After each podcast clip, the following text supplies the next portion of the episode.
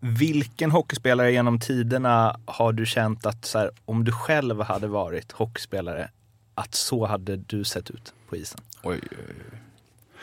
Uh, jag tror nog att jag hade velat vara Wayne Gretzky. Omformulera frågan Mårten tror jag. Nej men någon, eh, snart är eh, råttet mogat alltså. Persson! Lägger på blå för loppen, kommer skjuta, fintar skott, spelar pucken höger istället, Davidsson skjuter, man lever över returen! Skottläge kommer där! Kan jag få låna micken? I mål! Hur skjuter karln? Hur skjuter han? Jag kan bara säga att det där är inget skott faktiskt Lasse, det där är någonting annat. Det där är liksom, han skickar på den där pucken så jag nästan tycker synd om pucken. Den grinar när han drar till den. Utan Fröbo var målvakt! Kan jag få låna micken? Kolla! Poff! En allvarligt talat Leif Boork, håller på med hockey i 600 år! Kan jag få låna micken? SHL-podden avsnitt 57 är detta Betssons podcast om den svenska hockeyligan. Och Fimpen är utbytt mot en eh, rutinerad här i de här sammanhangen. Vi brukar dock inte sitta i samma studio och det var en pers att ta sig hit tydligen. Men eh, välkommen eh, Arla. Tack så mycket. Ja, det är ju två sidor här. Först, det känns ju som vi har gått från division 2 till SHL. Alltså nu är det ju nu är det klass. Sitta här i en riktig studio och ha mysigt. Eh, däremot är det ju ett, var det ju en liten chock att söka ta tunnelbanan hit. Och mm. Åkte två stationer fel och så sa de nästa stadion och så tänkte jag, fan stadion, det är jag säker på att det är norrut. Jag skulle ju söderut. Då var det hoppa av där och Skulle till och hockey och åkte till fotboll. Ja, typ så. Men eh, jag är här ju. Ja, du är här ju. Det är ju... Eh, jag, jag, kände att jag fick en liten försmak av hur det kommer vara att ha barn som åker själva i en stor stad för första gången i alla dina sms och så. Ja, ska vi inte överdriva men... Eh, man Vilken färg är det på linjen? ja. Är ropsten rätt? Nej, det är inte lätt med storstan. Någon som är lite mer eh, van vid storstan är vår första gäst. Vi kommer att ha gäster varje avsnitt nu framöver förhoppningsvis. Mattias Ek från Hockey News. Hjärtligt välkommen till SHL-podden. Tack så hemskt mycket. Gick det bra att ta sig hit? Det gick jätte, jättebra. Men ni, eh, du är från Jönköping? Ja, känner igen, känner igen mig i Pers dialekt här faktiskt. Du är ju på Hockey News.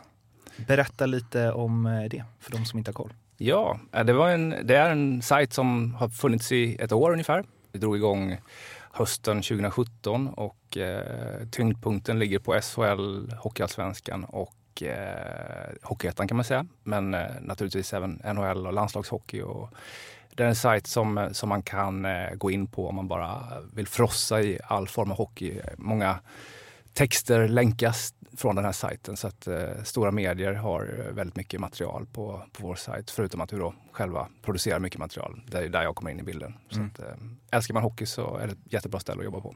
Är du liksom skjutjärnsreporter nummer ett? Ja, skjutjärn, eh, det har jag nog lite grann lämnat bakom mig mm. när jag lämnade Expressen och sådär. Så Hockey News är väl lite hockeynördiga skulle jag säga. Och, eh, det passar mig alldeles utmärkt. Är du, är du posterboy då? Du menar så, frontfigur? eh, jag vet inte, vi har nog ingen riktigt sån. Eh, det är klart att eh, jag har väldigt många kontakter inom hockeyn. Jag har ju träffat Per Ahlbrandt här väldigt många gånger. Eh, och, bara, bara, en sån sak. Bara en sån sak. Det gör att man har för och nackdelar med sin, mest fördelar. Hur har det gått under det här eh, året, dryga året ni har hållit igång? Bra tycker jag. Vi fick ganska snabbt respons eh, av det bättre slaget från hockeykärnan, alltså klubbar, spelare, Eh, även fans har uppskattat sajten och eh, på så sätt har vi fått en bra start. Och sen så hoppas vi kunna växa allt eftersom när folk hittar den. Det är otroligt att det inte gjorts tidigare, tänkte jag när jag såg sajten första gången. Att man bara kan så här bocka i Colorado och sen så ja. alla nyheter i hela världen om Colorado. Varför har ingen mm. gjort det? Nej, det kan man faktiskt fråga sig. Och som journalist är det jätteanvändbart att eh, snabbt eh, skaffa sig en tillbakablick kanske senaste dygnet, senaste dagarna om man vill skriva om eh, Luleå eller Linköping eller någonting så, så får man det som medierna har rapporterat och även klubbarna då från, eh, från sitt lag. Eh, så det, den är väldigt praktisk och användbar på det sättet. Ja, jag var inne för att förbereda mig för det här. Så där ja, du ser. Med inspiration från en eh, annan podcast, Toto Balutto, som har en eh, superb faktaruta när de har eh, gäster i studion. Eh, vi ska också ha det eh, och det är nästan copy-paste rakt över, så eh, rakt igenom. Så lyssnar ni på det här, Gusten och Thomas, tack för att ni har gjort, gjort det här arbetet som jag bara kunnat lägga karbonpapper över. De lyssnar 100% inte på det här. Eh, men fullständigt namn. Karl Mattias Ek, var är Karl ifrån? morfar. Ålder. 47. Vad är hemma för dig? Eh, Stockholm numera. Jag har bott här i 17 år. Eh, uppväxt i Jönköping men bott i Uppsala, Göteborg och Malmö också. Så att, eh, efter att ha bott här de senaste 17 åren så känns det verkligen som hemma. Var i Stockholm är hemma? Älvsjö, södra Stockholm. Okej, Mm. det är mina hoods också. Så där ja. Eller ish. Mm.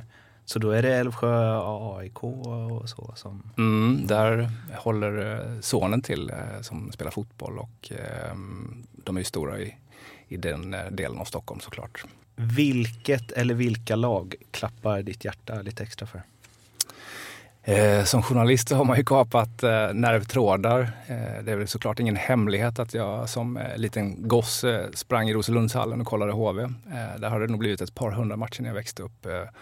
Eh, men när det handlar om eh, lag som jag sådär, tillåter mig att eh, vråla åt framför tvn och sådär, då är det Liverpool. I, oj, oj. Och sen naturligtvis eh, J Södra i fotboll, Jönköpings Södra. En tumme upp. Ja, du ser. Min farfar var ordförande i J Södra på glansdagarna, 50-60-talet. Och så, så, att, eh, så farsan eh, står högt i kurs hos eh, gubbarna där. Och jag var lit, när jag var liten i så här, tioårsåldern så var farfar speaker på Stadsparksvallen och då fick jag Oj. hänga med. nu blir jag, alla är, jag är stor, stor Södra-fan. Tunga år nu. Mm. Kommer tillbaka. Om de möts, vilka håller du på då? Jag har faktiskt sett eh, södra Tottenham en sommar med en sommarfet eh, Paul Gascoigne. Så här. Det, det är nog det närmsta södra och ett Premier League-lag. Men ah, det var ju en tuff fråga. Det blir ändå stolpe in för södra ska jag säga. Ja, det- ja, är så. Okej. Hur gick det mot Tottenham? Jag tror det blev 1-1. Eh, Arla håller ju på. Vi ska inte, Ja, vi, ja. vi ska inte prata Tottenham. Nej. Eh, finns det något lag som du verkligen inte gillar? Ehm. Ja, det gör det väl. Fast det är mer så relaterat till stunden tror jag. Alla lag som södra möter. ja. Alltså jag ser, eh, är, är du riktigt hardcore i Södra? Alltså? Det är, Nu när du säger det så. Egentligen så, jag är ju, min moderklubb är Hallby. Där spelade jag fotboll och handboll när jag växte upp. Så att, eh, nu ser jag inte Hallby sådär jätteofta i handboll längre. Det skulle jag faktiskt vilja göra. Se eh, nya idrottshuset och sådär. Men eh, där skulle jag kunna tänka mig att jag skulle kunna gå bananas också. faktiskt. Får får jag ta en liten om Hallby där? Eh, Kanske lite elakt, men eh, Stadsparksvallen är en av de finaste arenorna i Sverige, tycker jag i alla fall. Håller du säkert med om? Oh ja, Men det finns ju dock ett litet problem och det var ju att ovanför eh, jag vet vad du ska säga. Ja, ovanför. De lyckas inte bygga in hela så man kan liksom ha utsikt från ett berg så kan du se in gratis liksom. Aha. eh, Som ligger och då kallas den i folkmun för Hallbyläktaren. Gratis och fin utsikt. Har du någon favoritspelare? Ja, men det är sådär också så att eh, pendlar. Eh, just nu så, så är jag lite småputt på Mohamed Salah. För han, är med, han är med i mitt eh, fantasylag och eh, levererar inte riktigt. Så att, eh, han skulle kunna klassas som en favoritspelare annars. Eh, Mané, jag kan dra Liverpool startelva. Så, så, Det här, om det här hade varit live, då hade jag sagt det. För nytillkomna lyssnare så är det alltså en hockeypodd ni har kommit till. ja. Har du någon favoritspelare inom hockey då? Ja, det har jag väl. Eh, när jag växte upp så, så var ju eh, Bengt-Åke Gustafsson en sån faktiskt. Han, han, eh, han hade ett hockeyarsle och var otroligt eh, skicklig på att behålla pucken inom laget. Och när Tre Kronor vann ett väldigt oväntat eh, VM-guld 87 mot eh, stora starka Sovjet så var han eh, väldigt magisk. Han gjorde ju, var det fem mål i någon Washington-match också så att, eh, i NHL och sådär. Så att, um, han, han var stor. Och Pelle Lindberg kanske var den första idolen. Mm. Han kom till Honkens eh, sportaffär i Huskvarna. Så jag åkte buss genom halva Jönköping för att eh, få Pelle Lindbergs autograf. Så den har jag faktiskt nedpackad någonstans i någon eh, låda. Som jag faktiskt också vet vad den är. Att, eh, det är stort. Är det på en lapp eller är det på en bild? Eller? Eh, nej, det var nog ett autografblock. Mm. Eh, så jag har nog ganska många tunga namn där faktiskt från 80-talet. Vill du namedroppa lite? Ja, Bengt-Åke Gustafsson. Mm. Han var också på, på Honkesport. Eh, Pelle Lindberg, Göran Högosta, Dan Söderström. Eh, vi pratar verkligen 80-tal här. Eh, det är väl kanske de stora namnen eh, mm. i den. Kan fylla på här sen. Ja.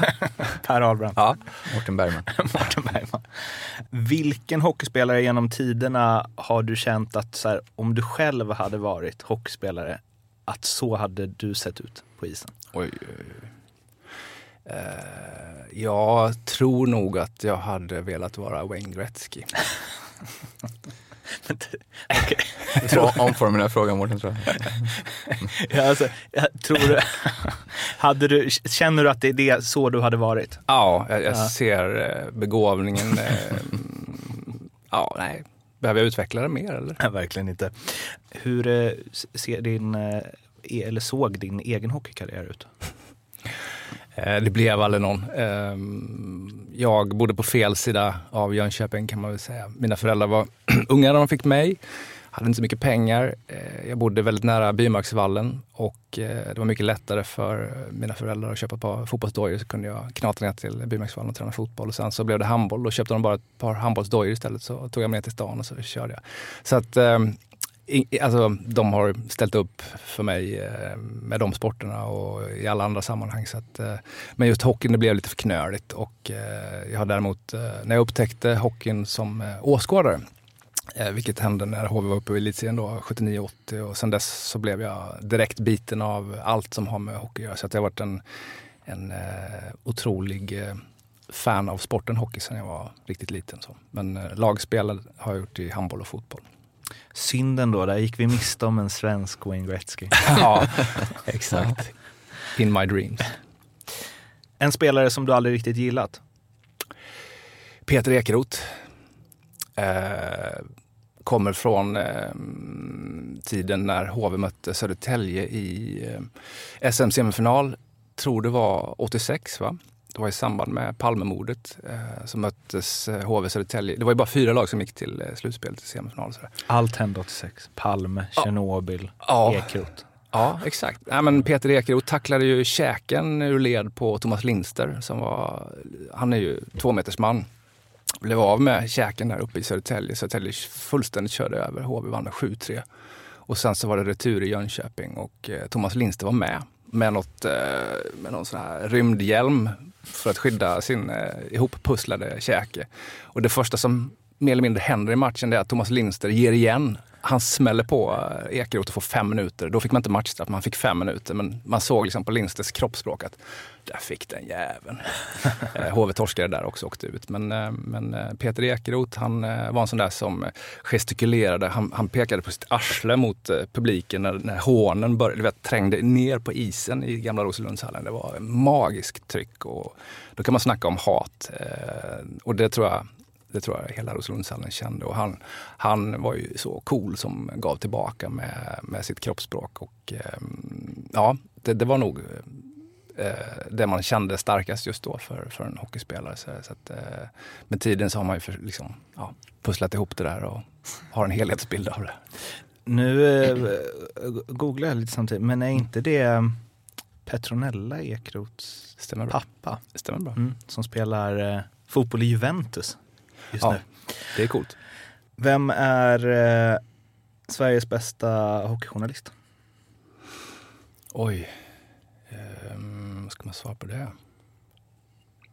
Eh, jag, är, jag har nog inget riktigt bra svar där. Det, ehm, det finns väl ingen sån där som man får en bild direkt av, tycker jag. Eh, det finns en plats att ta där för någon som, eh, som är riktigt duktig och sugen. det, det, det, finns ingen, det, det finns ingen Banco Niva? Inte inom hockeyn, nej. hockeyn saknar en sån eh, frontfigur tycker jag. Det, mm, det, går så jäkla fort i hockey. Det är betydligt fler matcher och det är möjligt att inte man ger sig den tiden att eh, ta ett steg tillbaka och fundera på vad skulle man vilja gestalta och hur skulle man kunna göra det bra. Så jag tror att det där är någonting som vi alla får jobba på. Vem är bäst på att dra fram nyheter? Är det Mr Maddock? Eller? Ja, det, det, skulle jag säga absolut. När det handlar om övergångar och, och skvaller, och, eller inte skvaller, men, men liksom när det är på gång att eh, bli en övergång så Maddock är solklar etta överlägsen. Det har man ju funderat på många gånger som spelare. Just det här med hur fan vet de, får de reda mm. på allt alltså? Som, det, ja. ja. det kan man ju inte avslöja såklart. Nej, men är det liksom agenter, är det spelare själva eller har man någon kontakt i klubben eller är det familj? Eller? Det kan nog vara allt tror jag. Allt möjligt, ehm, allt möjligt absolut. Eh, jag skulle nog säga ändå att den bästa källan, utan att eh, gå in på, ja. Ja, är ju naturligtvis spelarna själva. Ja, det är så? Ja. ja. Eh, det, har man den kontakten eller ja, då, då vet man ju att det stämmer. Mm. Ehm, så att, Eh, men det kan som du säger, allt det där som du räknar upp, äh, agenter, klubbledare, någon som är avundsjuk eller mm. du vet så här, någon som skulle kunna vinna på att läcka någonting äh, kan vara en bra källa. Sen får man som journalist naturligtvis göra en bedömning. Är det här trovärdigt, rimligt? kan jag lita på det här? Mm, för det svåra som journalist är att inte skriva. Att, ja, att avvakta ja. och ha lite is i magen. Det var väl en sån där story när jag var uppe i Luleå, kommer ihåg så var de ju irriterade på att eh, det läcktes, har för mig. Så jag tror de planterade en eh, inför transfer deadline där, att vi hade värvat, det var någon riktig stjärna. Det var någon från Ryssland som spelade, kan det vara Jan Marek typ?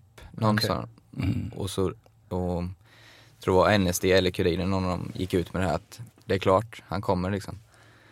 Och, och ingen annan media bekräftade det, men det blev ju en sanning och de stod på sig. Det, vi, har, vi har en bra källa liksom. Men det var ju, då hade de ju, de vill väl titta mm. vem läckan var helt enkelt. Mm. Mm. Men, så, det, var ju, det var rätt häftigt. Men vadå, hur många berättade de det för? Nej det vet jag inte, om det var liksom inom kansliet eller något liksom, eller ja, jag, det har jag inte koll på men. Man kan ju inte göra det för för många heller. För då är det svårt att lokalisera exakt ja, vem som. precis. Mm. Men det var ju en riktig så här, just att de stod på sig, eh, tidningen och det, mm. det kommer jag ihåg att, ja men vi har en jäkligt bra källa på det här. Mm. Men sen visade sig bara vara tomt. Då. Var det någon som fick sluta? Det vet jag inte, det skulle vara en intressant uppföljning. ja, men jag, jag, det bubblade upp när, när Mattias sa det att det är svårare att inte skriva. Mm. Mm. Har, har, du fått ett, eh, har du fått ett tips från en spelare en gång som du skrivit och så stämmer det inte? Alltså så att, för att jag tänker, det kan ju finnas egen vinning i att sprida grejer som inte stämmer också. Ja, kanske inte riktigt så med den baktanken att nu ska, någon, nu ska jag ge mig på någon. Så här. Eh, sen kan det vara att någon har hört någonting och så kanske man har missat att göra ytterligare ett kollsamtal och så där för att det har gått för fort helt enkelt och då kan det ha blivit fel. Så att, eh, det har nog inte varit avsiktligt i så fall, så det har jag inte stött på. Eh, de flesta spelarna som jag har kontakt med är ju verkligen solida snubbar som inte skulle sätta dit någon eller, eller, ha, eller använda en, eh, ja, i mitt fall kanske en vän då, liksom för, att, mm. för att komma åt någon. Så att, eh, det är ganska raka rör tycker jag inom hockeyn. Hur många gånger har du tipsat eh, journalister? Det har jag nog faktiskt aldrig gjort. Förutom den gången i Luleå. Vilket är det bästa avslöjandet du haft då? Oh. Ja, det är så många. Oh, Vilket ska jag välja? ja, exakt. Det lät inte bra. Nej, men jag skulle nog faktiskt säga att det kommer väl kanske från tiden jag var på Kvällsposten, mitt första riktiga jobb. Eh, så kunde vi avslöja att, eh, vad heter de nu, eh, Livets Ord i Uppsala, sekten, Eh, den religiösa, det religiösa mm. ah, skit, samfundet. De var på mig sen för att jag kallade dem sekt. Eh, men jag då, då tog fram Svenska Akademins ordlista och läste innantill och så, aha. Eh, men det handlade om att de hade köpt reklamplats på jumbotronen i Globen. Okay. Och, och, tipset var att, att de hade gått in med ett miljonbelopp. Nu handlade det om, ja, det var inte så mycket pengar. Så att pengarna i sig var inte grejen. Men sen kunde vi braka på med det där och jag hade pratat med en massa folk. Jag pratade med Åke Bergdahl som var VD i Malmö. Han, skulle, han, han sa liksom, skulle, skulle Malmö kunna göra det här? Nej, vi skulle hellre ta in eh, ölreklam. Vilket var no-no då. Idag så, så eh, NHL sponsras väl av Sprit numera. Jägerman, ja. Eh, nej, så, att, så det där var ett stort avslöjande som, som hela mediesverige hakade på och eh, TV4 gjorde ett kul montage. Eh, De, på jumbotronen så fällde de in, eh, alltså jumbotronen i Globen, på den tv-rutan så fällde de in Ulf Ekman, eh, pastorn, när han stod och jiddrade. Ehm, och så satt väl någon från Djurgården, det var Thomas Magnusson som var målvaktstränare och liksom, nej, det går inte det här alltså. Och det blev ingenting. Efter, efter avslöjandet så, så kunde inte, jag tror det var Svenska Hockeyförbundet, de kunde inte ro i land det där så att eh, det sprack.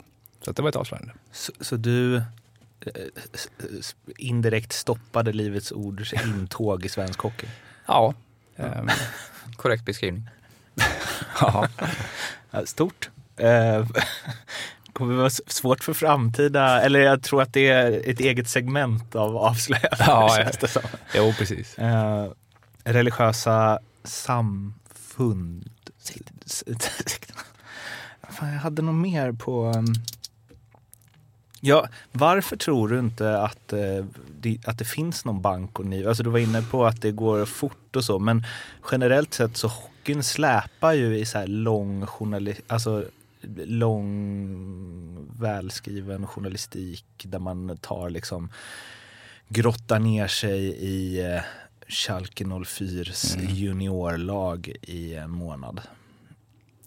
Ja, Eh, jag antar att det har med resurser att göra. Ehm, jag kom från Expressen och där så blev hockeyn på något sätt nedmonterad ganska hårt de sista åren jag var där och eh, kände väl att ehm, det fanns inte någon tro på, på hockeyjournalistiken på det sättet utan det, det är mer snabba write, alltså rewrites och sådana grejer. Så att, ehm, eh, Aftonbladet är väl just nu det medium som har störst, störst Störst. Jag är från Jönköping. Eh, störst resurs, resurser när det gäller att eh, lägga krut på reportage och sådär. Så att, ehm, mm, jag vet inte varför inte det görs mer än så. V- Vem ser du kan eh, ta den stafettpinnen? Ja, egentligen vem som helst som, som kan eh, ge en journalist lite tid att eh, grotta ner sig och Mm. ut och resa. sig. Sen är ju fotbollsvärlden helt annat, eh, den är helt annan eh, konstruktion på. Alltså, i, I hockeyn så är det ju NHL överst och ingår inte i hockeyfamiljen. I fotbollen så finns det det är en världssport på ett annat sätt och det kulturella och det finns kanske lite mer eh, bredd i det. Jag, var, jag, jag tänkte lite på det också, det ju, känns ju spontant som att hockeyvärlden är oftast ganska samma livsöden. Eh, fotboll finns ju så otroligt många historier du kan hitta. Eh, på ett annat sätt skulle spontana känslan. Eller pepp man blir på att fortsätta spela in SHL-podden Möter och drar oss historier. Eh, nej men för att jag hade, alltså, Ek i Sibirien en månad, det hade jag läst. Ja, Verkligen. Ja, det, det skulle vara, skulle vara rätt roligt. Nu går det väl rätt dåligt för just eh, Sibirien i hockeyn. Så här. De har väl 8-9 raka torsk i KHL. Va? Men Det är ju ännu bättre. Eh, finns någonting där. Du kommer inte få en enda intervju. Det kommer bara vara helt stängt. Ja. Inte fotboll det här. Nej. SHLs bästa spelare? Ehm, bra fråga. Alla hockeyspelare svarar instinktivt eh, Joakim Lindström. Eh, förra säsongen så var det ju Elias Pettersson. Nu så är det svårt att säga från start så här, vem man skulle kunna... Eh, men jag har ju... Eh, jag tycker ju Dick Axelsson är otroligt rolig att kolla på. Alltså, ibland när man går på Djurgårdens träningar så Ja, jag undrar om inte han får stryk när han kommer ut i omklädningsrummet sen för han kan göra bort motståndare eller lagkamrater så att det bara svischar om det. Alltså. Plus att han är ju otroligt eh, bra eh, defensivt. Så att jag tycker att det är den mest underhållande spelaren. Sen vet jag inte om, han kanske inte är den bästa spelaren på det sättet. Han, han har väl vissa delar i sitt spel som skulle kunna vara bättre. Men han är den mest underhållande tycker jag. Sa att han var otroligt bra defensivt. Ja, det har Per Mårts eh, avslöjat och jag tror på det. Ja, Vill du instick där? Nej, det, det, Det var ju du med. Ja, exakt. Men han är inte, chansen bara. Han är inte så bra så att han ska bli uttagen i ett OS-lag för att spela defensiv hockey och det har ju gjort att han också inte vill spela mer i Tre Kronor. Han var ju jättebra när Tre Kronor vann. För, för han vill spela defensiv hockey. Ah, han vill spela i, i den hockey som han trivs bäst i. Ja. Världens bästa hockeyspelare. Eh, Sidney Crosby tycker jag. Det, mm, ja, magisk hockeyspelare och eh, jag som följer framförallt VM-hockeyn då, jag tror jag varit på 16 VM. När han kommer till VM, så, vilket bara hänt två gånger, va? Så, så, nu när han kom till eh, Prag 2015 så märkte man på hela Kanadas organisation hur den växte, för det hade gått dåligt några år för Kanada och med honom i laget så ja, då blev det på riktigt och de vann VM-guld så det bara visslar om det. Det är imponerande att se hur han eh, förbereder förbereda sig. Första gången jag såg honom var faktiskt på VM i Riga 2006. Jag stod och pratade med Mattias Timander i mixade zonen. Och så såg jag någonting skymta i, i ögonvrån. Någon som, någonting som inte riktigt stämde med den vanliga bilden i mixade zonen. Då var det Sidney Crosby, 18 bast, i svarta tights, trikåer och han kickade upp benet i 180 grader så här. Som en, som en gymnast. Så skulle han ut på någon, någon träning men han höll på att förbereda sig. Och, vad fasen är det där för snubbe? Och, och sen så um, kollar man lite närmare på vad det var för en lirare och sen har man ju sett honom vinna Stanley Cup och allt du vill.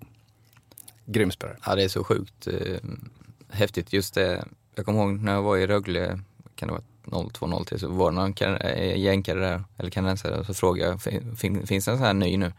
Ja, det finns en 14-15-åring, mm. eh, Sid the Kid kallas han. Mm. Och tänk att ha vuxit upp med det trycket, vi kan inte ens föreställa oss det, och så leverera så big time. Alltså, det, alltså, ja, det är så sjukt imponerande. Mm. Ja, för att eh, det var väl eh, en, alltså de spelar väl även i den åldern. Om man är bland de bästa kan man väl spela inför riktigt stor publik ja, rätt tidigt. Liksom. Ja, det tror jag det. Juniorhockeyn är ju stor i Kanada såklart. Mm. Definitivt. Det var som så här LeBron som hade 300 miljoners kontrakt med Nike innan han hade gjort sin ah, första NBA-match. Wow. Ja, men de, de spelar i alla olika sporter som står pallen, pressen, mm. det jag otroligt imponerad av. Alltså. Det är där också som så här, Eh, en av en miljon anledningar till att man själv inte blev något. För hade någon bara, här har du 300 miljoner eh, innan du presterat, hade man ju bara, oh, nice, luta mig tillbaka. Det var faktarutan och nu ska vi eh, dra igång ett eh, nytt segment i den här podden som nämligen är att eh, Joakim Österberg, a.k.a. Stats-Jocke, ska dra lite, lite intressant statistik från eh, premiäromgångar genom åren. Den här veckan ska Jocke gå igenom hur viktigt det är att få en bra start. Vad tror ni? Jag tror att det är väldigt viktigt, betydelsefullt för eh, självkänslan och känna att det stämmer eh, spontant. Ja, jag håller med. Eh, framförallt för, för liksom hela organisationen. Det blir en arbetsro, är ett uttjatat ord kanske, men falla runt omkring. Det blir, börjar man tre, fyra torsk då ska det ropas på nyförvärv och det blir panik nästan i och med att SHL är en sån bransch där det är bara resultaten som räknas. Och även för individuella spelare, är du köpt som en målskytt och inte hängt något på fyra, fem första, då känner du den där eh, jobbiga pressen och du vet, du får tre, fyra matcher till på dig, sen kanske du är borta. Så det, det är absolut eh, jätteviktigt. Vi får se om siffrorna visar det ni tror. Så Jocke kan komma in i studion. Nej, men jag har ju grottat in mig lite på eh, de första två omgångarna i, his, i historien, bak till 97-98. Det är ju det, så långt tillbaka som eh, eh alltså, eh, matchfakta om eh, faktiska matcher eh, finns på Sway Hockey.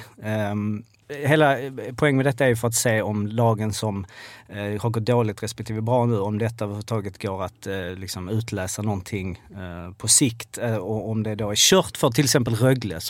Ehm, och då kan man säga så här, eh, första omgången, om man tar de som vann grundserien till slut, så var det 12 stycken som vann sin första match, 9 stycken förlorade. Det är alltså av 21 stycken grundserievinnare.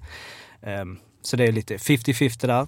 Ehm, efter två omgångar så var det 18 stycken av de som till slut vann grundserien som eh, vann eh, en av sina två första matcher. Tre lag gjorde det inte. Eh, då var det ju, men de vann sin tredje match. Så vi kan konstatera att om man inte har vunnit efter tre matcher så är det då statistiskt omöjligt att vinna grundserien.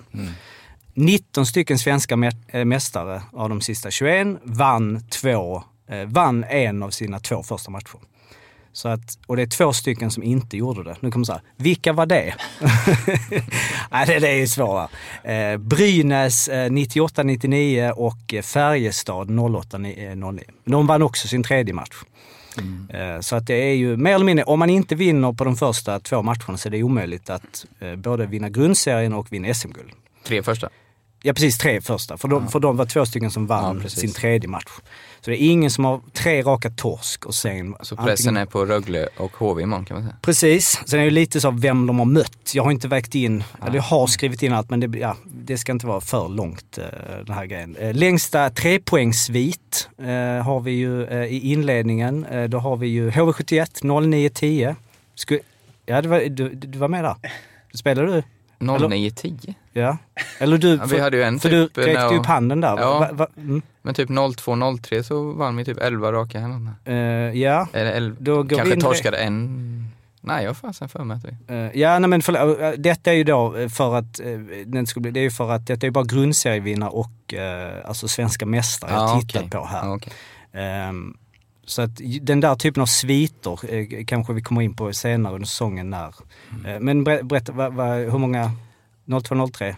Ja, eller av, av något av dem, eller 01-02. Då, ja, det var 11 eller 12 matcher tror jag. Tre poäng, ut, ja. Ja, kanske. Ja, vinster. Ja, vinster. Bra jobbat. Eller? Ja. Har du något minne av det också? Nej, nej. Nej. Ja, Det går vi-. Ja. Grotta oss ner i, eh, känner jag direkt. Eh, ja, men just från premiären. Det var det, Ja, det, var det jag menade. ja, då var det ju det, ja, precis. Ni föll ju bort eftersom ni inte varken vann guld Precis. eller Nej. grundserien. Och sen en annan faktor är att jag kan ha fel också. För det, eftersom det var 01, 02 eller 02, 03. Ja. Och Man har ju Smälter de in en, man har en varandra? tendens att försköna minnen också. Ja. Men jag, ja, bra början i alla fall.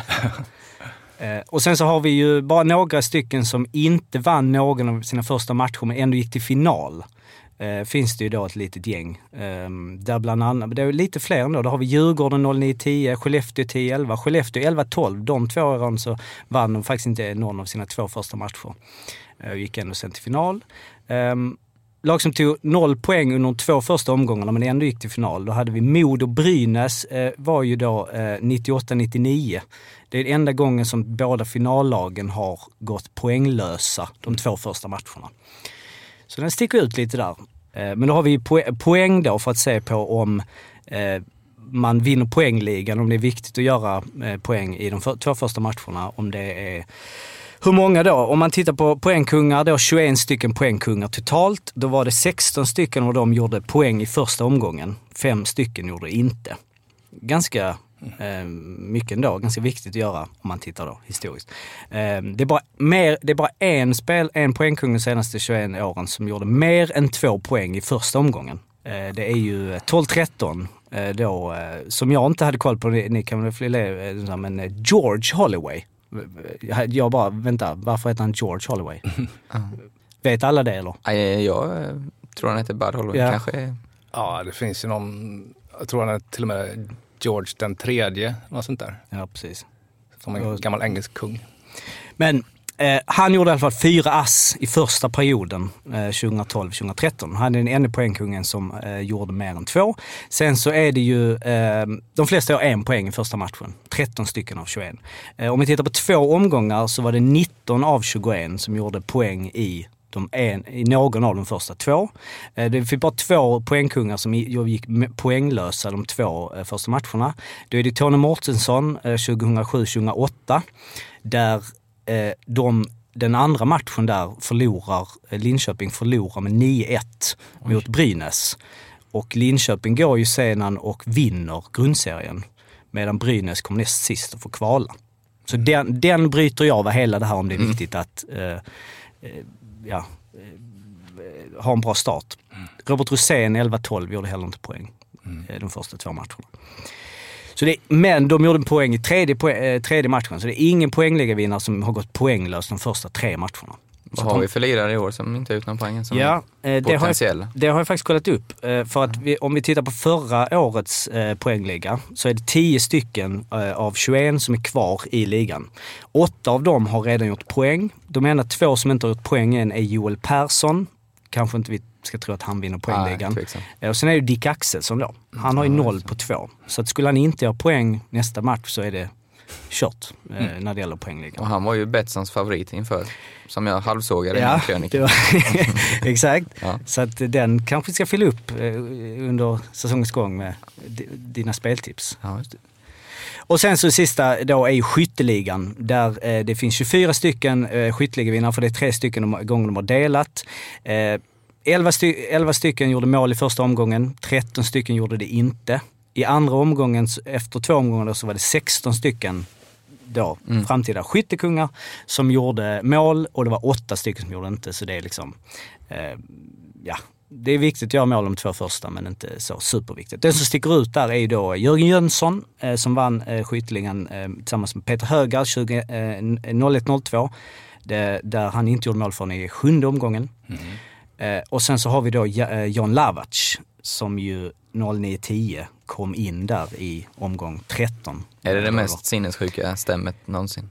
Det får man säga. 30 på 38? Ja, Mm, exakt. Det är, så, det är vasst alltså. Han hade alltså inte spelat en match in i omgång 13. Eh, vilket ju alltså... Eh, och den, den, den, den som är näst efter för att vinna skytteligan är, är det just Jörgen Jönsson. Det var i sjunde omgången. Sen så kom han in i 13 och vinner skytteligan. Mm. Men man får aldrig glömma Håkan Loob. Håkan Loob får man aldrig glömma. Han gjorde väl bara 42 baljor på 36 matcher. Precis.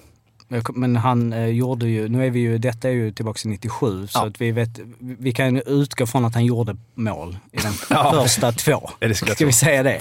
Sju? Så det inte är så att han gick mållös de första 16. Ja, det hade varit oväntat. Ly- Lyssna om ni har koll på, eller jag kan kolla upp det själv också, men ni får gärna mejla in eh, Håkan Loobs eh, första tio matcher, mål, vilken tid och eh, och om det var backhand eller forehand. Eh, det ser jag fram emot. Vilket år var det? Var det 80? 82, 83 Ja, någonstans. stämmer. någonstans så. Ja, men om man går till sig själv, eh, alltså rent Ja, precis, det- personligt så, är det ju, så var det ju alltid skönt att få en bra start. Ja men då kan vi fråga dig själv då, eh, för du vann ju då poängligan eh, 13-14. Eh, Hur gick det för dig i de två första matcherna? Ja, det vet jag inte. Jag skulle gissa att jag gjorde två, tre poäng kanske på de två matcherna.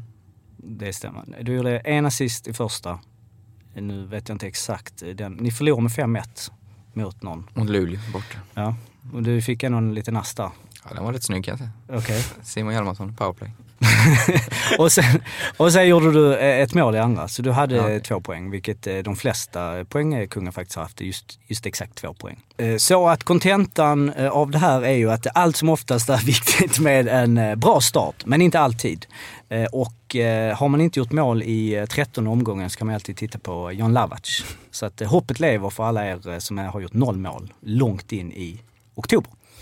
Ni som gillar statistik, Elite Prospect-nördarna, liksom bara pumpa in grejer som ni har sett, någon galen säsong där, något HH, så försöker jag liksom samla ihop något roligt eh, liksom samtalsämne kring det eh, i kommande avsnitt. Eh, Och min Twitter är ju då eh, hockeyjocke10.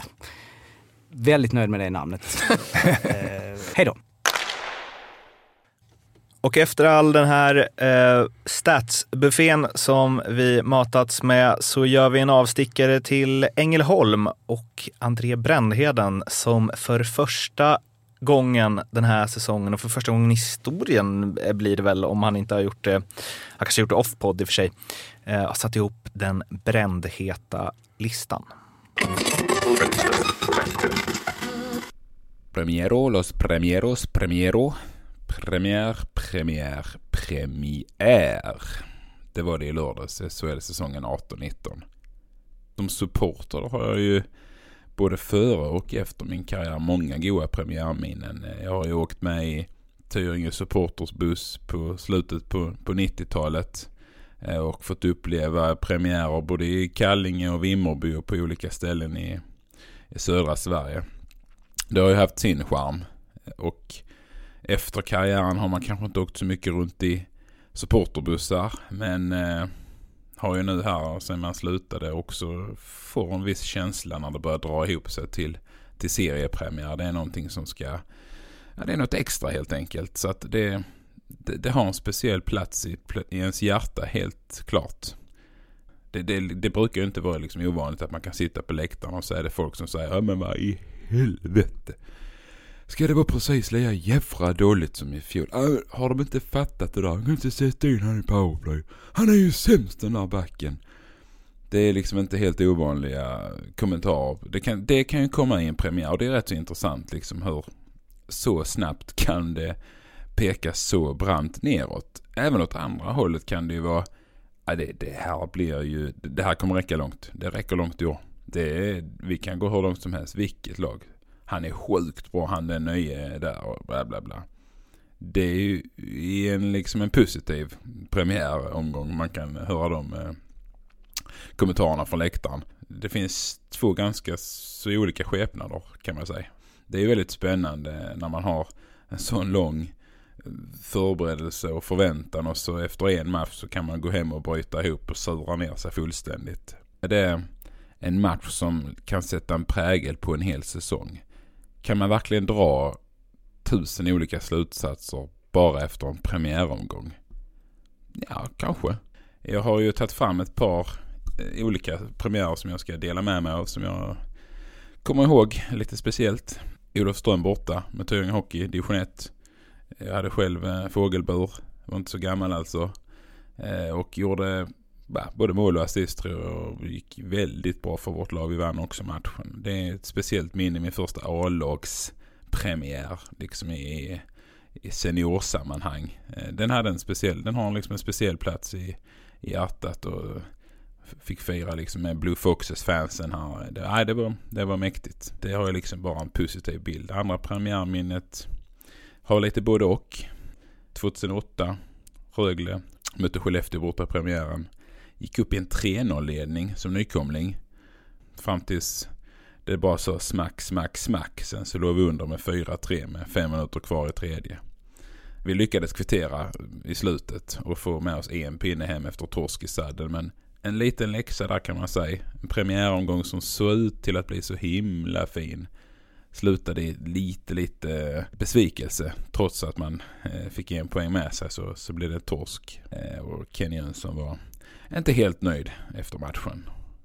Eh, mitt tredje premiärminne som, men då har man ett sånt här premiärminne man helst vill glömma. Och det var väl eh, när vi skulle spela junior-VM med, med, Sverige i Kanada 2003. Och eh, på en jul där så mötte vi kanadikerna i, i premiäromgången. Och torskade med 8-2 och blev totalt manglade. Det, det var lite typ kom och hjälp mig, kom och rädda mig, hjälp, jag vill härifrån. Lite ont så.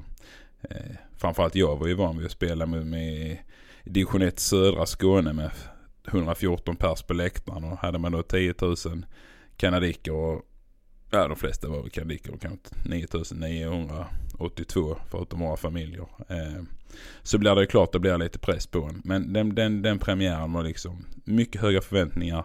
Ganska snabbt släcktes de ner i ridå. Tack för det. A bientôt.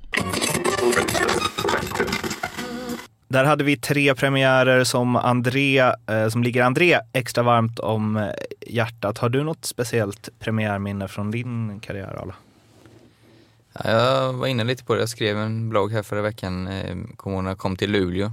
Eh, då var jag, det var liksom så min sista chans att etablera mig i SHL. Då hade jag gått runt och varit jäkligt nervös, nästan lite ångest någon vecka. Vi hade Skellefteå borta. Eh, och liksom var, fortsatte vara nervös hela dagen. Men just, jag kommer aldrig glömma just när vi stod i spelargången och jag hörde klackarna hetsa mot varandra där. Så det var liksom bara, bara rann av mig och fick så här välbehagskänsla helt plötsligt. Och fan vad få förunnat dig att få göra det här. Och sen eh, gick det inte så jäkla bra vi torskade så, men jag kommer aldrig glömma den känslan att äh, vad ska jag vara nervös för det här för liksom? Det är, det är kul. Det är ju, alla skulle nästan vilja byta plats med en, så det var, det var en skön känsla. Var det då du gjorde en dålig första match och sen en riktigt bra andra, eller hur var det? Ja, precis. Hemmapremiären gick bättre. Mm. Du har ju plockat ut eh, tre spaningar från de två inledande omgångarna och eh, överlämnat till mig. Så jag kan väl läsa dem och så kan du liksom ja. reflektera. Det första du har är torsdag, lördag.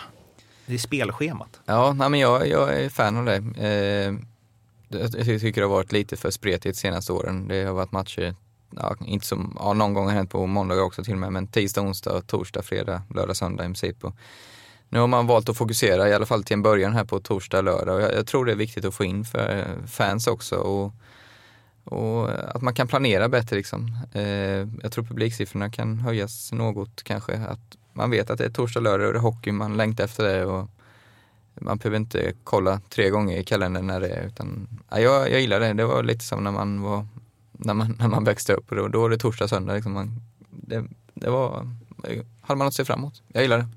Det är inte varje dag SHLs administrativa organisation får hyllningar.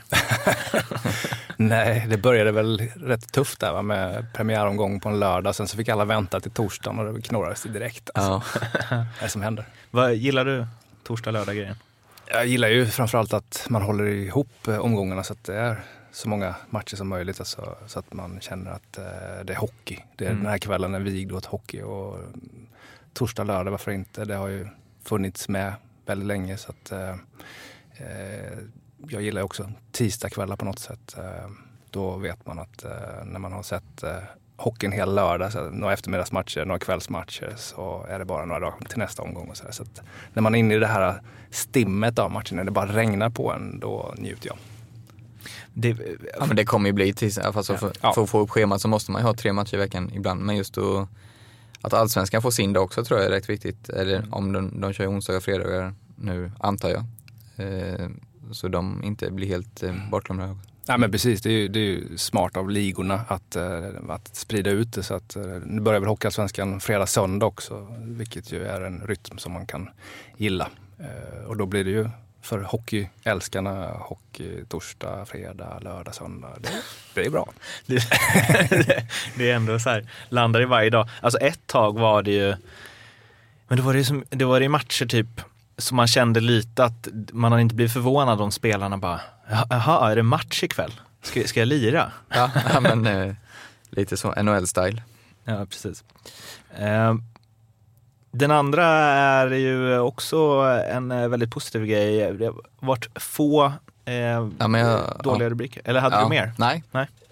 Jag avbröt det. Nej, men jag gillar det att eh, två omgångar har gått och det har inte varit en enda rubrik om eh, vare sig huvudtacklingar eller filmningar som de senaste åren tycker jag fokuseras väldigt mycket på.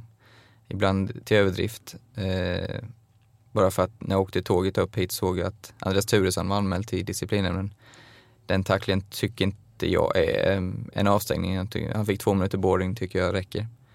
Eh, personligen. Eh, sen får vi se vad, vad de säger. Men, eh, ja, men det, det önskar, man önskar. Så det blir lite som Mattias sa med sitt nya jobb här, det är lite mer fokus på hockeyn. Det är det jag i alla fall vill ha. Mm. Sen förstår jag hur, hur eh, kvällstidningar fungerar, att de vill ha klick och sådär men eh, positivt så här långt. Mm. Eh, finns det några, alltså det har ju gått eh, bara två matcher som sagt eh, per lag. Men eh, finns det några, är det bara flyt att det inte hänt något sånt eller kan man redan skönja, för det snackas mycket om så här spelarna ska ha mer respekt och det ska dömas hårdare och liksom blindside och så. Vilket det känns som man gör inför varje säsong förvisso, men ja, om, man, om man nu snackar om det inför varje säsong kan man ju hoppas att det får några procents extra effekt för varje säsong också.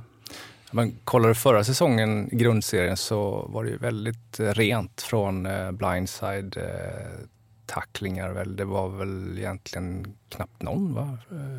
Det, det var, och jag vet att de, att de från ligans sida har varit runt till alla klubbar och pratat med spelarna och återigen eh, tryckt på just att eh, ge fan jag tackla varandra i huvudet. Alltså det, det måste vi få bort en gång för alla. Så att, mer och mer så tror jag att eh, spelarna förstår hur, hur, eh, hur dåligt faktiskt eh, många spelare mår efter sina karriärer som har åkt på många sådana här smällar. Jag var på Hovet igår och kollade Djurgården-Rögle och Andreas Engqvist, eh, hans karriär balanserar ju på en, eh, på en lina nu. Alltså just det här, hur mycket tål han och vad behövs för att han ska, och, liksom, ja, kanske karriären är över. Och utanför spelet igår så åker han på en, eh, som jag uppfattar det, alltså det är en tjuvsmäll. Den är inte hård, men eh, men det räckte för att han, eh, han kände smällen. Han har inte berättat om det här själv annat än till läkaren i Djurgården, Bengt Gustafsson, som vidarebefordrade det till mig. Och han kände alltså någonting och eh, stöp isen och sen har ju Djurgården en speciell deal med honom att han kan bli bortplockad från matcherna om det överhuvudtaget är någon form av osäkerhet kring hans eh, hälsa eller om, han, om det varit någonting som, som gör att han beter sig annorlunda, vilket den här händelsen får rubriceras som. Då. Och eh, eh, pratade med Daniel Bertov i Rögle efteråt. Han såg Andreas Enqvist hela vägen. Eh, sen varför han sätter upp vad det nu var och träffar eh, Enqvist. Eh, ja, han hade ingen intention att skada honom, sa han. Eh, men det ligger någonting lurt där. Alltså, man måste kolla den där situationen massor med gånger för att verkligen förstå vad det var som hände. Och det visar också hur skör Andreas Enqvist är för den typen av smällar. Eh, vilket gör att hans eh, ja, säsong kommer bli återigen väldigt speciell. Eh, match ett och så händer en sån här grej på Hovet. Alltså. Ja, alltså för om det vill sig så väl att han eh, ändå kommer spela hela och vara med i slutspel och så sen. Tror ni verkligen att motståndarna kommer bara, nej men han, han är ju en av deras absolut viktigaste spelare också, att de kommer bara, nej han har, han har ju problem med sitt huvud, vi, vi chillar lite där. Mm. Det, eller det kommer ju snarare vara Självklart tvärtom. inte. Ja, alltså jag har ju så ändå svårt att tro att någon med flit tacklar någon i huvudet. eh, Det hoppas jag att man inte gör. Men han kommer ju åka på otroligt mycket stryk. Eh, självklart. Ja, men, och om man vet att det räcker med att det är en snudd och för att läkarna ska liksom vara försiktiga med honom, då räcker det att åka förbi och liksom dunka honom i huvudet med eh, handsken. Alltså, Ja, men så, så gott vill jag tro om människor att man, att, att man inte gör det just i huvudet. Men däremot självklart mycket hårda kroppstacklingar och det kan ju räcka det också. Eh, många av de här karriärerna som varit, ja som jag sett i medierna, folk som har mått dåligt. Den sista tacklingen har ju inte varit speciellt hård.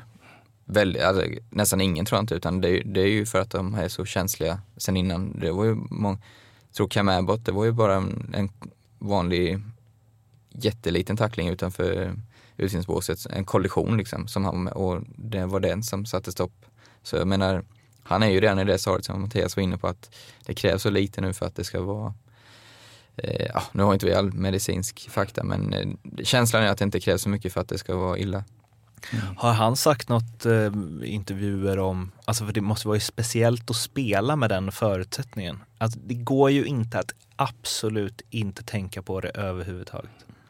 Nej, jag, jag, alltså han, han fick ju tillbaka suget förra våren då när han stod vid sidan av och sådär. Och det tyckte han själv är ett tecken på att han mår bra och eh, är redo att satsa på ännu en säsong i Djurgården. Han har blivit lagkapten. Han, han vill verkligen jättemycket med sitt hockeyspelande här och ser väl också på det lag Djurgården har att eh, de har faktiskt en bra chans att vinna SM-guld. Men hans eh, förutsättningar att eh, klara sig igenom en eh, säsong är ju inte så stora. Liksom. Det, det är bara att kolla på en sån här liten incident då, hur, hur pass eh, känsligt det är. Och det är ändå hockey vi pratar om och det var som Per säger här också att eh, det behöver inte vara en eh, tackling mot huvudet, någonting eh, av eh, ondo, liksom utstuderad elakhet eller, eller så, utan det, det, det törnar, man, man åker ju på smällar, det är så det är i hockey. Och den här situationen mot Rögle är ju, jag vet inte, det, ja, man blir lite fundersam i alla fall, helt klart. Att, eh, han kommer ju bli testad. Spelarna kommer ju kolla vad går gränsen, hur mycket tål han? Och, eh, så det är lite läskigt tycker jag faktiskt. Det, menar du när du var inne på Bertov där att om man ska kolla den situationen, är, är, det, är det en oschysthet? Eh, Men det blir också konstigt för att Nej. i vanliga fall hade konsekvensen inte blivit Nej. det. Nej, men han säger ju att eh, han visste att det var Enqvist som kom emot honom och sådär. Så att spelarna har ju koll. Eh, så fort gick det inte just i den här situationen. Även om de var s- utanför spelet. Det var det som gjorde att man inte följde eh, Eftersom inte man följde pucken där så, så um, passerade den förbi. Men han hade varit och kollat med domarna vad de såg um, i den situationen och de tyckte inte heller att det var någonting oschysst och så. så att, eh, eh, däremot så är ju ribban sänkt för, för honom. Så är det. ju. Numero tres där, Johan Södergran, Linköping. Ja, häftigt. Ja. Ersatt eh, Derek Roy med den äran. Ja, eh, såg jag några byten, några matcher förra säsongen. Eh, alltså så som vanlig ung, kom in med jättemycket energi men nu har han ju verkligen fått ut eh, mål och poäng av sitt spel och det är ju det är så jäkla kul att se de här som kommer upp. Han, eh, så fort de zoomade in han på jumbotronen så garvade han ju i båset, eh, eh, leende öra till öra nästan. Så han eh, upplever nog sina roligaste dagar i karriären hittills just nu, det, det tror jag. Stark, eh, vann mycket närkamper igår. Ja, man ser att han har självförtroende, eh, puckarna sitter. Eh, så det ska bli spännande att följa. Sen självklart är det svårt att se att han ska hålla den här takten men eh, ja, det, han har gjort eh, svårt för Tommy Jonsson med sina val, helt, helt klart. Han hade ju en härlig intervju i Simor igår som vi tänkte lyssna lite på. Eh, nej men hockeyn går ju upp och ner liksom och eh, just nu så, så, går det, så går det ganska bra. Liksom. Eller det flyter på med, med det här effektiva liksom. Och det är inte alltid det gör det så uh, det är väl bara att njuta medan, uh, medan det liksom funkar. Eh, man hör ju att det bubblar. Verkligen. Jätteskönt att höra. Ja, man blir avundsjuk. ja. Och sen då den här mogna insikten att man inser att fan, det här kan ju kanske inte hålla. Vi kan inte göra 1,5 mål i snitt i 52 omgångar. Men eh, det gäller som sagt att njuta när det, när det väl händer. Det är, liksom, det är en blandning av så här eufori och eh, den här, så här självförtroende medgångskänslan och bara, vad sa de nu på mediaträningen att man ska säga? Precis. Eh, jag, inför första omgången när jag tittade på deras andra kedja där, det är Brodecki, Lycksell och han. Då tänkte jag, Linköping är riktigt svaga i år. Är det där liksom det näst bästa de har att komma med framåt? Och de, eh, ja vad gjorde de? Gjorde de tre mål i första och tre i denna? Mm. Fem, sex mål har de gjort i alla fall. eh, visst, det kanske inte håller i, men som vi varit inne på, viktigt med en bra start. Det känns ändå som att det kan Ja, och det är det här som ingen eh, av, av oss säger nu, men eh, de mer som tippar. Det är, det, det är därför det är så svårt, för Linköping är ju bottentippare nästan över, eller botten, en 9 till 12 kanske. Och det är ju för att det är ingen som räknar med produktion av den här tredje, fjärde kedjan. Och det, för det har inte Linköping haft den senaste säsongen. Det är därför de har haft lite tungt, tycker jag personligen. Mm. Och nu har ju de här killarna som var tänkta, de har ju nästan gjort lika många poäng nu på två matcher som vissa spelare gjorde på en hel säsong mm. eh, förra året. Så får du den produktionen från tredje, fjärde, gissa att de gör en 15-20 poäng. Det är så otroligt många poäng i tabellen om du kan få det. För första kedjorna kommer ju oftast leverera. Brock Little kommer ligga på sina 50 poäng tror jag, men du får de här extra bonusmålen som, eh, som är så viktigt. Och kan Linköping få det då, alltså backsidan tycker jag de har jättebra, så då kan det helt plötsligt vara ett topp 6-lag. Så det, det, är så små marginaler. Vi kan ju lite smidigt där bara glida över på det, för du var ju och kollade på den eh, matchen igår, Linköping-HV. Mm. Eh, och Linköping har ju fått en pangstart som sagt och det är på många plan också för att även deras tilltänkta stjärnor har ju levererat och monstret har gjort eh, två riktigt bra matcher och han hade ju ett tungt fjolår. Ja.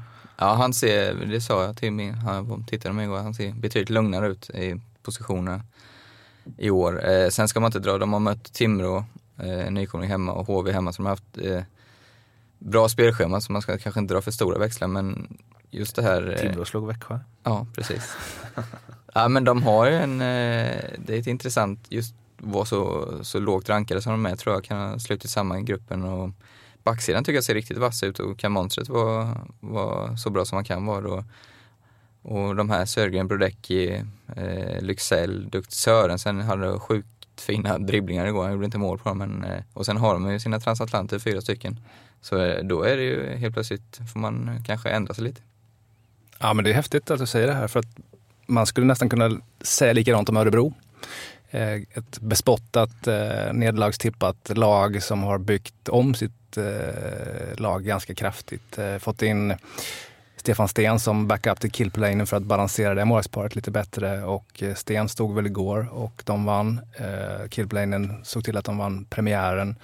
Du har en helt ny backsida med spelskickligare backar mm. än vad Örebro har haft på länge, länge. Och Marcus Björk, alltså vilken start han har fått. Han matchas ju dessutom stenhårt. Jag kollade staten lite innan jag kom hit och han ligger på topp 10 i SHL efter två omgångar. Det är tidigt så, men 22 minuter. Han spelade i Oskarshamn förra året. Han avgör matchen uppe i Luleå på straff. Såg du den straffläggningen? Ja, det var också sjuka straffar. ja, han är back. Eh, plus att de har Näkyvä som de plockade från Linköping. Eh, de får in eh, Ibert nu till Djurgårdsmatchen. Eh, de har Jonathan Andersson och Linus Arnesson som är stabila. Eh, det ser, alltså, och sen så offensivt har de fortfarande inte riktigt pusslat ihop laget. Eh, de har skador på två centrar. Eh, visserligen kanske inte de mest tongivande, men de ska få in någonting där. De, sportchefen Niklas Johansson är ute och scoutar. Och, eh, ja, det, det, Örebro också sånt där. De har ju förmodligen slutit sig samman och känner att nu ska vi fan visa dem, för vi har den kapaciteten. Och jag sa det också på upptaktsträffen till någon av mediekillarna i Örebro att eh, är det något lag som, eh, som har kapacitet att eh, luras så är det Örebro. I han pratade med en inbiten Örebro-supporter och han var, han var helt lyrisk över honom att, men det är nog, folk kan inte fatta, han kommer vara, han trodde att han skulle vara liksom en av topp fem backar i hela ligan. Det tror jag att han kan bli faktiskt, för han kom in i slutet på förra året och korrigerade ganska mycket av det som eh, Örebro hade problem med och de vann matcher helt plötsligt med honom i laget och de hade väl Ari Gröndal också som, som gjorde sitt för backsidan där. Så att eh, från att det var lite stabbigt och stelt och de hade problem att få ut puckarna och få upp spel och så, här, så nu ser det ju klart mycket bättre ut. Eh, sen jag vet inte, det tar väl ett tag för, för ett lag som Örebro, likväl för Linköping att etablera sig ute i Hockeysverige bland tyckarna och eh, vi som tippar och sådär. Men eh, det finns helt klart en stor potential i Örebro och återigen det här med en bra start, vilket ju, vilket ju är att spöa Mora borta. Ja, det kanske man kan tycka ligger inom rimlighetens gräns, men att också åka till Luleå och vinna, det är riktigt starkt gjort. Både Ja, Fimpen satt ju här förra veckan och sa att de skulle komma sist, tror jag. Ja, det hörde jag. och André i sina spådomar sa ju att Pelusia skulle göra 14 poäng och vara en tokflopp. Han har ju inlett med tre pinnar och fått en bra start där också. Känns också viktigt med tanke på sånt enormt fokus det har varit på honom och han är liksom den tydligaste lysande offensiva stjärnan i det laget. Mm. Ja, och han eh, dök upp på upptaktsträffen och eh, tog hela alltså alla frågor och på något sätt eh, kapade huvudet av den pressen han har fått på sig nu när, när uppenbarligen eh, Örebro lassade över Brynäs eh, i lönen där och eh, han har inga problem med pressen och han fick ju också en rolig fråga, eller kanske svaret var ännu roligare, att eh, ja, vem är den bästa värvningen den här säsongen? Och han kollade ut där och ja, det är väl jag, eftersom han inte hade koll på de andra. Så, så att, eh, bra svar. Han, vi gjorde ju eh, ett gäng eh, ett gäng intervjuer kring oddsen där spelarna fick gissa vad det var för odds på olika prestationer. De flesta spelare är ju väldigt ödmjuka där, slash fega och säger liksom mycket, mycket högre odds än vad det är. Men han fick från att han skulle vinna poängligan eh, och det stod i 15 gånger pengarna tror jag. Och han var ja, fyra. och sen så bara var, var det högt eller? ja. Eh, eller var det, nej, eh, han frågade om det var ett crazy odds. Mm. eh, men man gillar ju det, att han, att han bara tar det. Liksom. Att han bara vill, sätt press på mig då. Framförallt så gillar man ju både det när de sticker ut hakan och sen levererar. Liksom. Mm. Det är ja, Zlatan-style. Mm. Finns något i att sticka ut hakan och inte leverera också? ja, uh, vilken style är det? Bentner-style. Bentner-style, verkligen. Ja, Återigen, det är alltså en hockeypodcast som vi... sorry, Du Mattias var på eh, Djurgården-Rögle. Stämmer bra. Eh, och där fick du se allt från jag tror Robin Fredriksson, Djurgårdssupporter på Twitter, som skrev att ett mål till av Emil Bemström och det kommer skrivas artiklar om att Håkan Loobs rekord är i fara. ja, det där är ju, jag pratade faktiskt med Håkan Loob om det nu när det var Champions Hockey League-sammankomst här i Stockholm och han tycker det är rätt så underhållande att, eh, att det där hålls vid liv på något sätt. När någon startar med mycket mål så börjar man räkna på målsnitt och så vidare. Men, um, ja, men Bemström, eh, precis som Johan Södergran i Linköping, junior, har gjort tre mål nu på två matcher, eh, lyfter ju faktiskt eh, Djurgårdens powerplay. Det, det har varit eh, ett lätt sorgligt kapitel för, för Djurgården som, som är bra på så mycket annat men de har inte fått till det i powerplay. Och nu så får de, han trycker in puckarna, han har en bra vass eh, högerskytte påminner lite om Per Ahlbrandt. Sådär. Lite. Eh, nej, men det ger alltså eh, Djurgården en, ett nytt vapen helt enkelt. Och I väntan på att Dick Axelsson ska komma igång med sitt poänggörande, han, han slår ganska många smarta passningar, så, så, så har ju Djurgården och Bemström fått en grym start på det sättet. Eh, Bemström gjorde ju enda målet för, för Djurgården där i Göteborg Frölunda, mot Frölunda i premiären. Så att, eh, han spelade med självtroende fart och gjorde något snyggt mål i CHL också när han eh, när han, Väldigt snyggt. Ja, eller hur? Mm. Ja, så att, eh, så han, han har självförtroende och han har, han har den här skickligheten och eh, ja, modern hockeyspelare om man nu kan säga så. Han gillar att gå på mål. Jakob Josefsson har läst mycket positivt om efter två matcher. Jag har inte ja. sett matcherna själva. Men kan det vara en, eh, vi pratar om SHLs bästa spelare? Ja, det kan man nog eh, faktiskt eh, argumentera för. Han var bra på försäsongen redan i första matchen mot Almtuna. Jag var uppe i Uppsala och kollade. Och, eh, alltså, det känns som att folk har glömt Jakob Josefsson i den här eh, han har ju, han har ju en offensiv Kreativa delen. Ja, ja, exakt, exakt. Och nu får han kanske lite mer tid med pucken i slottet och prickskjuter ju, han sätter pucken oftast mm. högt. Och, eh, plus att han gör ju allt det där jobbet som man förväntas göra. Sargerna och eh, det defensiva och tekar. Och, men just eh, den offensiva delen av Jakob Josefsson är ju väldigt kul att se. Han eh, kommer lätt spela i Tre Kronor om han vill här nu mm. framöver. Eh, Rögle...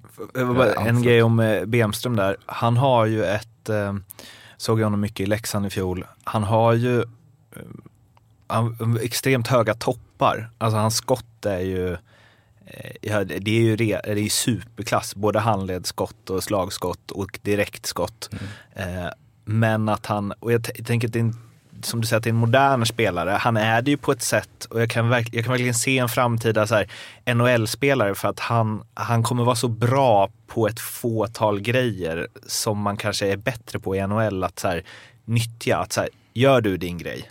Sen så är han ju fort, han är väldigt ung så han är mm. fortfarande, mm. han kan försvinna helt ur matcher. Men han har ju någon form av så här matchavgörande egenskaper i sitt kott. Definitivt och det har ju varit en omställning för honom rent eh, träningsmässigt att gå från Leksand i allsvenskan till Djurgården i SHL. Jag tror att han var halvstukad här på försäsongen för att det var en enorm eh, ökning i träningsmängd och så. Men eh, eh han verkar palla det och ja, definitivt en JVM-spelare. Är det hans pappa som jobbar inom Djurgårdens organisation? Precis, hans pappa Jörgen är ju J20-tränare. Så den dagen eh, han inte gör som du antyder här att han eh, försvinner ur matcherna och inte, så kommer Jörgen ta hand om honom i J20. Nej, det kommer inte hända. Han, han är tillräckligt bra för att hålla den här säsongen. Vem, vem av er tar vem jag och Jörgen Benström hade som tredje länk i vår fjärde lina i SSK? Var det Robban Karlsson? Ja, efternamnet är rätt. Mm. Vad sa du? Nej. Men en smålänning. Oj, oj, oj. Efternamnet är rätt. Karlsson alltså. David. Nu ba, ja, jag, jag ska jag säga lite förnamn bara? ja. ska vi säga vartannat förnamn? Jag säger Ragnar Karlsson. Ah, Västerviks Ragnar. Ragnar är också ett namn som borde få en revival ganska snart tycker man. Mm. Smal fråga då. Det var, inte, var det mycket lir där eller? Eh, det var väl lite mindre än vad jag hade hoppats kanske.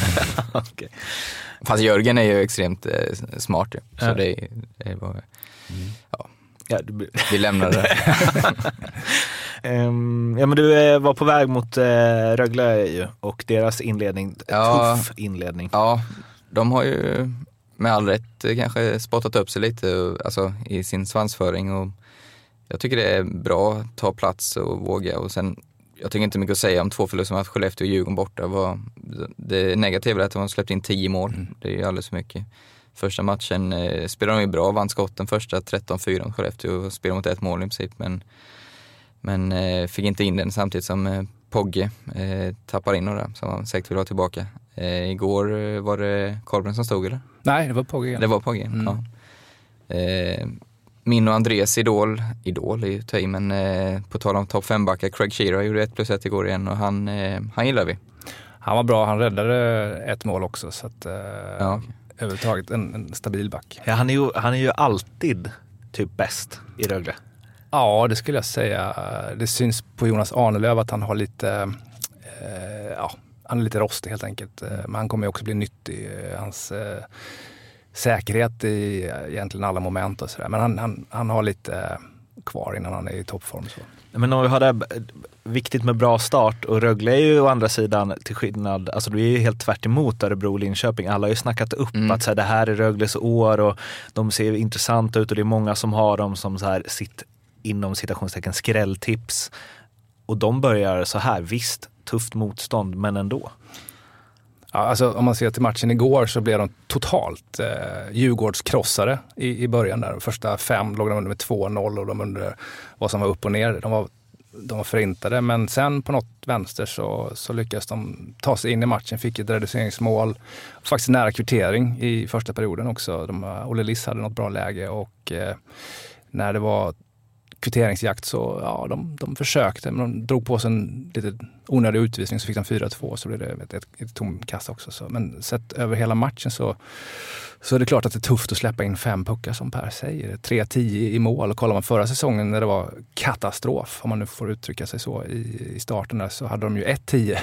Och sen så åkte de upp till, när de spelade hemma mot Skellefteå och fick stryk med 7-2 så hade de Mm. 3-17 eh, på tre matcher. Nu kommer de inte förmodligen få den i Häcken mot, eh, mot Brynäs här men ja, resultaten är ju så otroligt viktiga och åka hem nu och försöka mm, ta sig an Brynäs som också har torskat två, börjat eh, skrynkligt. Det, kommer bli en väldigt viktig match. Där fick vi in resultaten är viktiga också. Mm.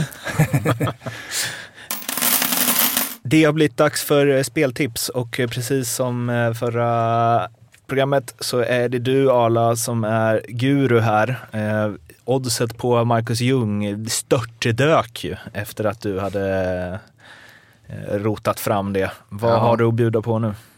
Han eh, gjorde en bra match igår, man ser han, han är en, en klassspelare, så jag, jag står fast vid det. Eh, imorgon så har jag ju min bank då, så jag har ju en bank en lite högre och så en skräll. Så banken får ju ändå bli Frölunda hemma mot Mora. Eh, det ska ju vara lite klasskillnad mellan lagen. Frölunda har fått en bra start men jag hoppas och tror att Rönnberg, är det något han är bra på så är det att motivera sina spelare. Så det är redan i omgång tre att de ska liksom eh, underskatta så det är, det svårt att tro och då, då ska Frölunda vinna helt enkelt.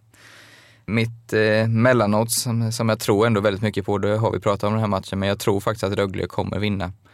Den eh, energin som finns där nere, många har längtat väldigt länge. Ja, de kommer komma ut och gasa, gasa. Och jag, jag, tror, jag tror de vinner mot Brynäs. Nästan övertygad. eh, mitt eh, skrälodds då, det är, blir rätt många kryss igår och det betalar ju bra som vi vet. Eh, jag tror det kan fortsätta så. Och eh, Malmö-Färjestad tycker jag känns som en väldigt öppen match på förhand. Så får vi fyra gånger på ett kryss där så, så en av fyra tror jag absolut kan sluta oavgjort mellan de, de två lagen. Och det är bara in på Betsson om ni vill eh, lira på någon av eh, Arlas eh, tips. Eh, Fimpen var ju helt såld. Alltså, Ja. Han bara, äh, det, eh, you had me at hello, sa han. Vilket var du mest sugen på av de där? Eh, krysset på Malmö-Färjestad tror jag. Okej. Mm. K- Kryss. Ja, man glömmer ofta det, att Mm. det blir ju kryss då och då. Oftare än då och då till och med. Det var väl jättemånga kryss Tre igår, va? eller var det fyra? Kryssbonanza. Vi ska ta och avsluta med ett quiz av stats strax. Först ska jag bara säga att eh, om ni vill ha mer av eh, Arla och även André så är det solbloggen.se som gäller. På Twitter finns vi på solbloggen och solpodden och ni kan som sagt mejla på gmail.com. Vi blir förstås superglada om ni prenumererar på iTunes eh, Waycast och allt sånt också. Det vet ni sedan tidigare. Mattias, om man inte fått nog av dig, hur gör man då? Då läser man ju såklart eh, hockeynews.se eller så kan man ju kolla vad jag twittrar om på Hockeyeken. Det är ett bra Twitternamn. Ja, eller hur? Det är bättre än, än eh, Hockey-Jocke. Hockeyjocke 10. och sen så kanske vi bjuder hit igen. Det här var ju trevligt. Mycket trevligt. Mm. Jag t- kommer gärna tillbaka. Då kan vi efter nästa möte mellan Liverpool och Tottenham kanske vi kör den. Ja, just det. Hur gick det nu där? Nej, vi vi kollar det sen. Stadsjocke kanske har det med. Ja, vi ska som sagt avsluta med en quiz och eh, Arla har lite bråttom till tåget och eftersom han inte riktigt vet vilket håll han ska åka åt så får Jocke ta över nu. Då är det liksom team Bergman och Ala mot Team Ek. Oh. Live-odds. Eken 1,10. Boxplay.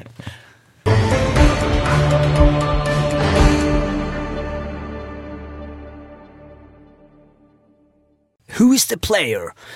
Och då utgår vi ju från statistik och eh, deras hockeykarriär helt enkelt. Så vad jag kommer göra är att jag kommer att läsa upp eh, från där det började, vilket, eh, vilken klubb de spelade i och lite så här statistik hur det gick för dem. Och den som då eh, tror sig veta vilken spelare eh, det är ropar sitt namn och har man rätt så vinner man tävlingen.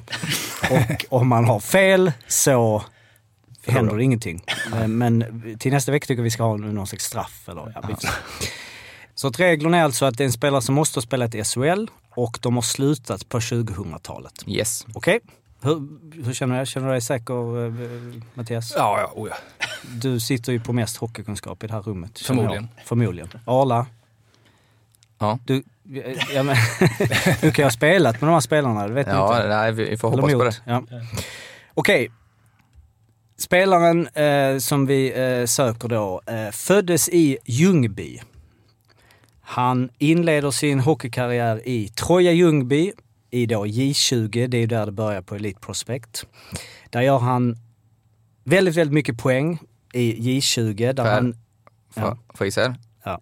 Mattias Weinholm. det är rätt. ja, vi vann! Gött! Ja, det var ju för lätt alltså. Ja, det var för lätt. Fan vad besviken jag är på det här nu. Jag, jag, Jag snackar med jag ville och bara... säga efter Ljungby redan, men det... Ja. Men jag tänkte jag skulle... Jag var inne på jävligt smala spelare från början, så tänkte jag det blev för tråkigt. Tänkte jag. Det här var kul. Ja. Ja, Han var ganska smal när han var 17. Eh, Jag träffade honom efter hans, kan det ha varit en av hans första matcher. De spöade väl Rögle tror jag, i Ljungby, i Mm. Sunnerbohov. Så att eh, hade du, jag vill gärna ge Eh, division- Per en chans du här. kunde det och- också. ja, du släppte över den. Men det är ju som På Ja. spåret, det gäller att dra tidigt. Man har, Precis. Och då, ja, nu glömde jag säga det, kan jag säga om vi ska köra vidare, att eh, det, om, lysn, äh, lyssnarna också är med i det. Men jag kommer ju köra otroligt mycket mer eh, mindre kända spelare. Men just Ljungby där var det, ja. Det kanske var... Eh, ja. Team Arla Bergman går Ja, ut starkt. Bra, bra. Grattis, Ja. grattis Ska du avsluta eller? Nej. Ska jag avsluta? Ja. Okej, eh, tack så mycket för idag. Hör av er till shlpodd.gmail.com. Hej då från alla. Tack och Hej, hej. Tack så mycket. Hej.